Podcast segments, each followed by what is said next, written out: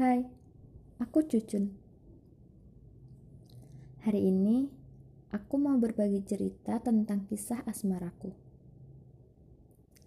Jadi, aku adalah seorang manusia yang tidak mudah jatuh cinta. Aku butuh waktu untuk jatuh cinta.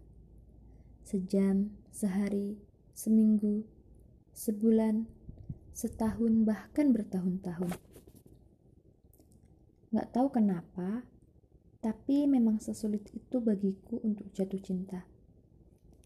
Dan aku bersyukur tidak mudah jatuh cinta berarti memberiku kesempatan untuk memperluas pertemanan tanpa takut terbawa perasaan. Tapi di 2016 lalu, aku benar aku benar-benar menaruh hati pada seseorang. Dia adalah orang yang memberi impact dalam hidupku.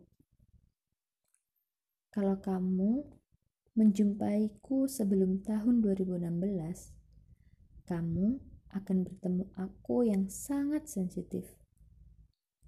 Mudah menangis, mudah tersinggung, tidak bisa diajak bercanda, dan sangat serius.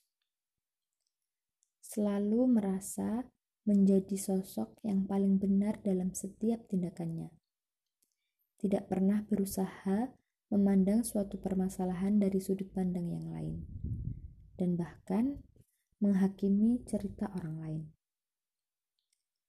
Tapi, jika kamu bertemu denganku setelah 2017, kamu akan menemui diriku yang terus berproses sedikit demi sedikit menjadi manusia yang lebih ceria, lebih percaya diri, tidak mudah marah, tidak mudah tersinggung, bisa diajak bercanda. Dan yang paling penting, berusaha memahami orang lain dari berbagai sudut pandang. Aku mencintai diriku yang seperti ini. Diriku yang terus berproses. Sebenarnya, aku ingin menceritakan orang yang membuatku jatuh cinta.